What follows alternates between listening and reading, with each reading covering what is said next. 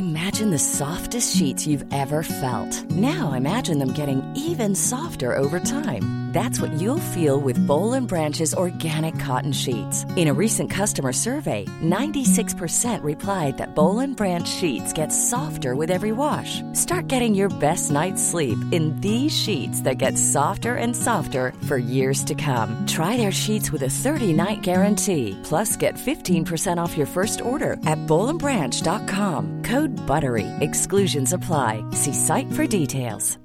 When you make decisions for your company, you look for the no-brainers. And if you have a lot of mailing to do, stamps.com is the ultimate no-brainer. It streamlines your processes to make your business more efficient, which makes you less busy. Mail checks, invoices, legal documents, and everything you need to keep your business running with stamps.com. Seamlessly connect with every major marketplace and shopping cart. Schedule package pickups and see your cheapest and fastest shipping options from different carriers. With rates up to 89% off USPS and UPS rates. And with the Stamps.com mobile app, you can take care of mailing and shipping wherever you are. Make the same no-brainer decision as over 1 million other businesses with Stamps.com. Sign up with Code PROGRAM for a four-week trial, plus free postage and a free digital scale. No long-term commitments or contracts. That's Stamps.com. Code Program.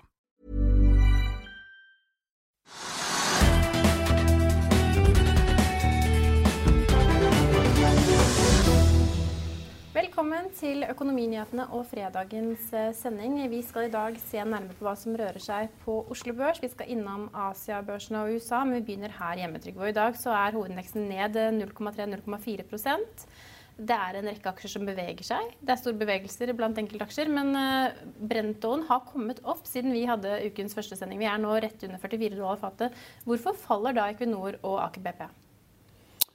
Ja, Det er et godt spørsmål. Jeg er ikke helt sikker på hvorfor de faller. for Det er litt underlig at de gjør det når hoppet i prisen var såpass høyt. da. La oss si fra under 40 dollar på fat til nesten 44 dollar på fat. Det skulle bety at oljeaksjene liksom nyter fordel av det. og at kursene kanskje, kanskje, ville gå. Men så tror jeg også at noen tenker at det er litt midlertidig. og det, Prisoppgangen til eh, nesten 44 dollar per fat for brentoljen det skyldes at masse rykter i markedet om hva som skjer. Og det er kommet rykter om at Saudi-Arabia har sagt at vi skal kutte produksjonen. Masse land har gått med på det. De har ikke gjort det. Og de, hvis de ikke gjør det raskest mulig, så kommer de til å få sanksjoner mot seg. De skal straffes av Saudi-Arabia og de andre landene hvis de ikke kutter. Det betyr jo at tilbudssiden blir lavere, og det driver prisen opp. På den annen side så er det, det er ikke sikkert at de klarer å få igjen de kuttene likevel, selv om de truer. Og så er det det at etterspørselssiden er svakere. Den er svakere slik at Selv om du kutter litt på tilbudssiden, så er det ikke nok altså, det, er, det er ikke nok. Det er, etterspørselssiden den den er, såpass svak at eh, prisen da tenderer nedover. Så det tror jeg er årsaken. Og så diskuterer de da seg imellom om, om det ligger tankbåter med lagre for olje eller ikke osv. Så det, det er usikkerhet om oljeprisen. Og så er den drevet opp nå av da altså de hintene fra Saudi-Arabia om at her skal det kuttes. Ja, og så hører vi Goldman Sachs, et meglerhus, jeg utestimerer at oljeprisen vil stige til 49 dollar fatet ved utgangen av året, og også til 65 dollar eh, innen tredje kvartal neste år. De er av den oppfatning av at det faktisk vil være for lite olje ut ved ja, andre tredje kvartal altså, neste år? Det, det, er kanskje én million oljeeksperter, jeg vet ikke. Det liksom, alle har en mening om oljeprisen, enten man er i næringen eller ikke. Vi har en mening om det, så vi som driver media. Så det det er kjempeusikkerhet. Og da kommer de da med en veldig optimistisk prognose for oljeprisen. Og hvis, de, hvis de, slår til, så har de vært kjempeflinke. Og hvis, de hvis prisen forblir lav, sånn som det er nå, så er det kje, veldig kjedelig for de. Så jeg ville være litt forsiktig å komme på bastante prognoser for slutten av dette året og første halvår neste år, fordi at det er veldig usikkerhet. Men jeg mener jo at fundamentalt så er det slik at de fundamentale forholdene viser at det er for mye produksjon i verden.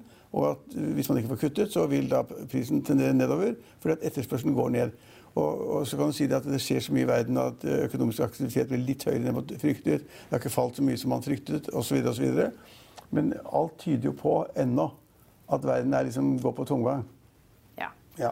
Noe som ikke går på tomgang, det er kanskje lakseindustrien. For når eh, et nytt lakseselskap skulle på børs i dag, så var det til det som kan virke som jubel. Vi fikk i hvert fall et nytt lakseselskap på børs i dag. Altså, det var riktignok på Merkur Markets, men det var Salmon Evolution.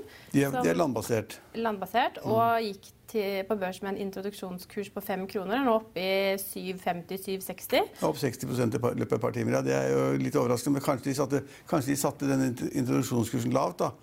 Fikk investorer til å gå inn for å liksom vise at liksom dette er kjempespennende. Og når, når vi da ble notert på Merkur, så vil aksjen gå opp. Kanskje de var så kyniske og tenkte det. Og så har de fått en kjempesuksess da første dagen. Men kan man også tenke seg noe sånt som at vi nå har hatt et voldsomt fokus på disse grønne aksjene? Vi har forny... Denne uken gikk jo Pareto-konferansen av stabelen med en helt annen fokus enn det vi er vant til å, å se. Eller i hvert fall et mye større fokus på denne fornybare energisektoren.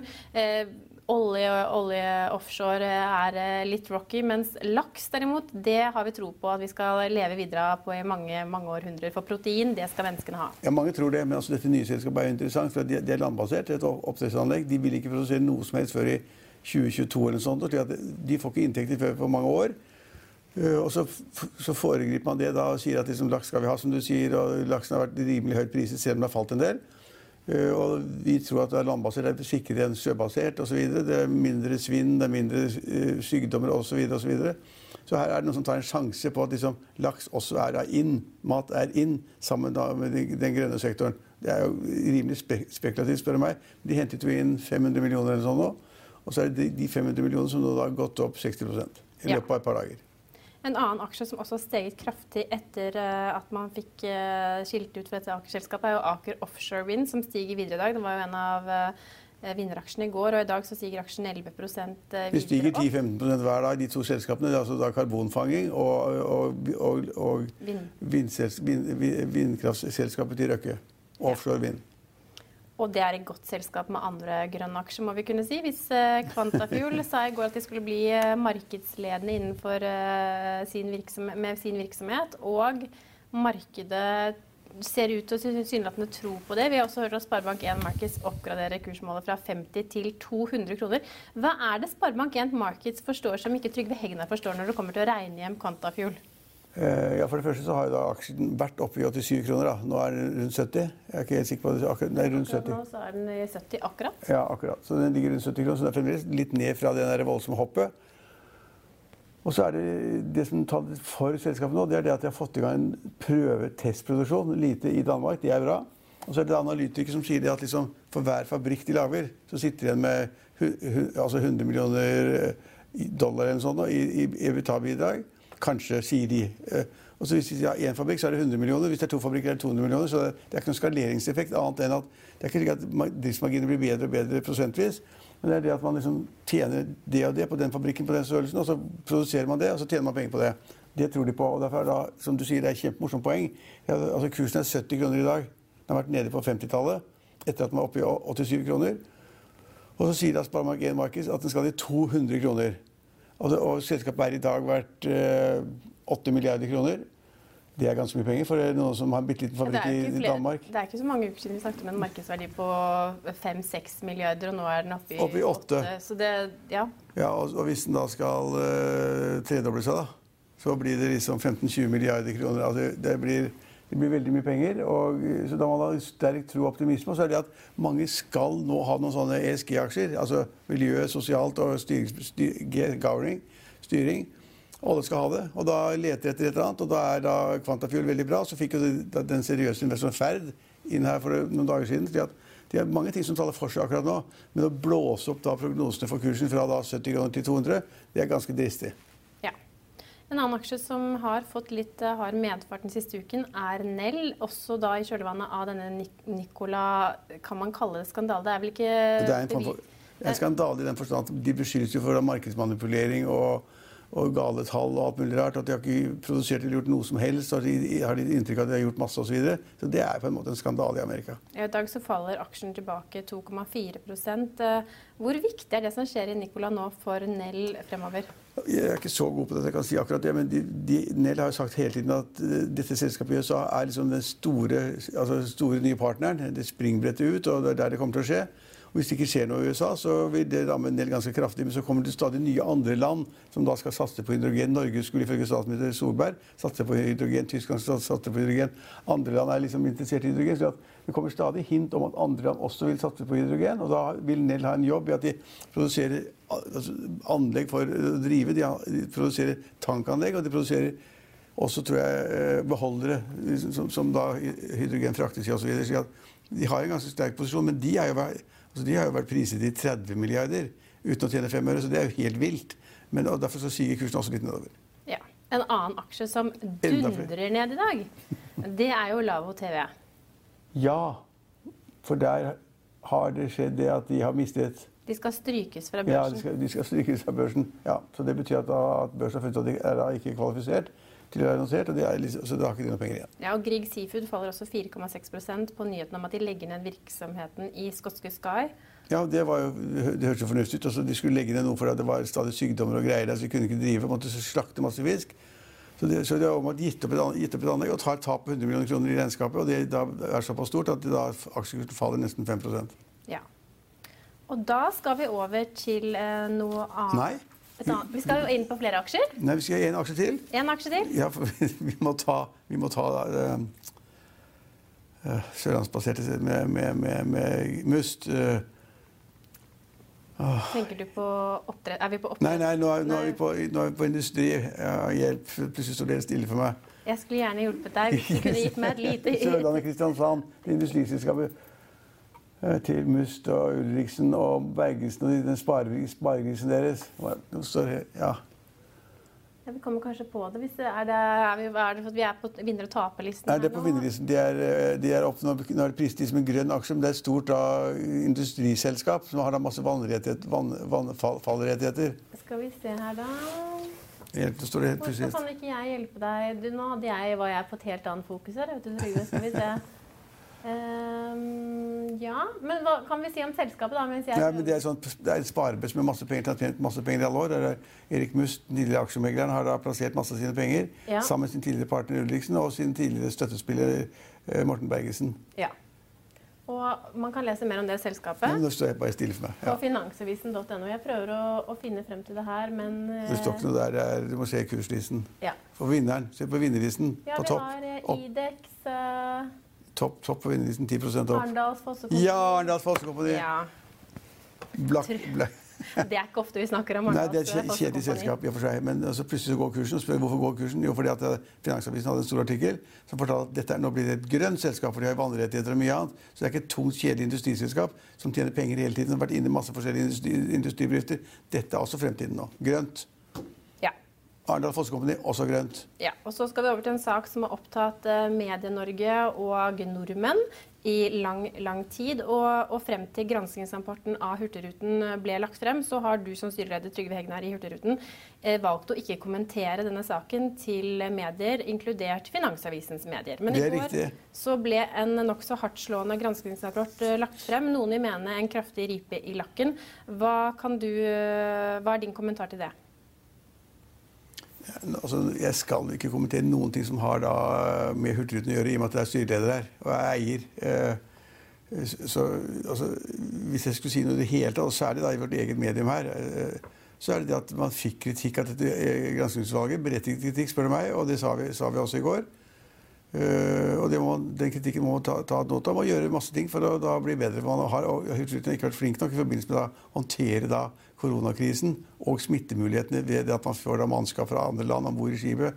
Og om de da er smittet, eller om de har, da, om de er, om de har testet seg, om det er positivt eller negativt, og hvor de skal bo på skipene, og hva de skal gjøre. og uh, Mulighetene til å, å, å blande seg sammen med passasjerer. Det er masse ting som kom frem. Og Hurtigruten fikk da en veldig kraftig kritikk av granskingsutvalget ved Jan Fogner. Ja, altså Vi hørte Petter Stordalen, som også sitter i styret og er eier i Hurtigruten, at eh, selskapet var ikke godt nok forberedt på å takle denne smittesituasjonen. Til tross for at de tross alt hadde hatt et kraftig smittepress i Norge i tre-fire måneder og vært også i lockdown som følge av korona. Eh, er det godt nok å si at man ikke var godt nok forberedt? Ja, det kan jeg ikke si noe om. Altså, Granskingsutvalget det refererer jeg til, de var veldig negative. De har gjort masse feil. Og det, det står for det utvalgets regning, og sannsynligvis er det stort sett riktig. Men å gå inn på, hva, gå inn på det å vurdere nå her i vårt eget studio øh, hva Hurtigruten skulle gjort eller har gjort, eller, det kan jeg ikke gjøre. Hvordan vil du beskrive de siste månedene som styreleder i Hurtigruten? Relativt slitsomt. altså helt fra, helt fra, helt fra koronaepidemien og pandemien slo ut liksom i midten av mars. 12. mars stengte vi ned i Norge. Frem til nå så har det på internasjonalt reiseliv vært utrolig vanskelig og krevende. Fordi at folk reiser jo ikke lenger. Fly- Flyene går ikke, de er tomme, står på bakken. Skipene får ikke lov å gå. øh, øh, alt annet står. øh, så så, så reiselivsnæringen er, er jo da hardt rammet. Og Hurtigruten er et stort selskap. Vi har 16 skip. Og de går langs kysten. Og så er det da den internasjonale virksomheten i Antarktis og Grønland og og, og, og Svalbard og hva det måtte være. Og de, de, den delen av virksomheten er, den er stoppet helt opp. Så det er kjempe, kjempekrevende. Da må man legge nye planer hele tiden. Og, hva gjør vi nå? Hva gjør vi nå? Hva gjør vi nå? Og hvis det skjer, da? Når, kommer, når tror vi at det kommer vaksiner, smitte, smittevaksiner? Og når tror vi at det kommer i gang igjen på Grønland, i Antarktis? Og der har man, dette har man, det problemet har man med den samlede cruiseindustrien. Altså, det er to virksomheter. Den ene er kysten, som er en lokal virksomhet hvor man da har gått med elleve skip. Og så har man vært da internasjonalt. Eh, og internasjonalt så er det jo masse andre cruiseskip osv. Og de fleste ligger i opplag, alle sammen. Og det, og det, er ganske krevende å jobbe med. Og, og, og i Hurtigruten så var for liksom ikke si noe om noe adjektiver eller hva det måtte være. Men, men så har vi da siden 12. mars, midten av mars til nå, så har da eierne i Hurtigruten hatt møte 25 ganger. For å diskutere posisjonen og hva, hvor er vi, hva gjør vi, og hva kan vi finne ut av det. Og, sånn, det er en ganske tøff prosess når man er på en måte i en krisesituasjon. Hvordan skal Hurtigruten bygge opp tilliten igjen etter det som har skjedd? Det, det kan jeg ikke si på TV. Det håper jeg, det håper jeg de kan gjøre mye. Det kan ikke jeg si noe om. Jeg kan, jeg kan ikke instruere indirekte Hurtigruten å sitte i studio og Egnar TV, nei. Men er du enig med Sjømannsforbundet som sier at tabbekvoten er Nei, det kan jeg ikke, det kan jeg ikke si noe om. Vi hørte Daniel Skjeldam si i etterkant av pressekonferansen i går torsdag at han ikke på noe tidspunkt hadde vurdert sin stilling. Er det slik at Skjeldam er så viktig, for, uh, viktig sjef for Hurtigruten at det sitter langt inne for styret å kvitte seg med ham? Ja, men Det kan jeg ikke kommentere. Altså, han har vår tillit, og han er vår sjef, og han skal, han skal eh, lede Hurtigruten ut av de problemene de har hatt. Har smitteskandalen påvirket Hurtigrutens reiseprogram og ruteprogram fremover? Massevis. Altså, det, det, det jeg sa, Vi hadde masse møter de siste månedene for å finne på hva vi skal gjøre i forskjellige scenarioer og alternativer. Og det jobber vi masse med. Vi hører om en relativt kraftig smitteoppblomstring i store deler av Norge, også i deler av Norge hvor Hurtigruten har virksomhet. Er dere nå godt nok forberedt til å møte denne oppblomstringen? Det er et godt spørsmål. Det håper jeg. Det kan ikke jeg kontrollere. Det var, det var i sommer også, det var, da dette problemet oppsto i slutten av juli da, på et av skipene, altså Roald Amundsen. Så da var jeg på ferie på Sørlandet. Det er 2000 km unna Tromsø. Så selv om man hadde tenkt at der skulle gjerne vært og hørt det sånn, langt unna. Og eh, toppledelsen og styret i selskapet er selvfølgelig langt unna de små praktiske tingene. Vi følger med. og nå antar jeg, uten at jeg kan si noe om det på TV, så antar jeg at man har gjort masse allerede fra da dette kom opp i slutten av eh, juli til nå, for å rette opp alle de feilene som var. Denne sendingen er tilbake mandag klokken 15.30, og da gjenstår det bare å ønske dere en riktig god helg.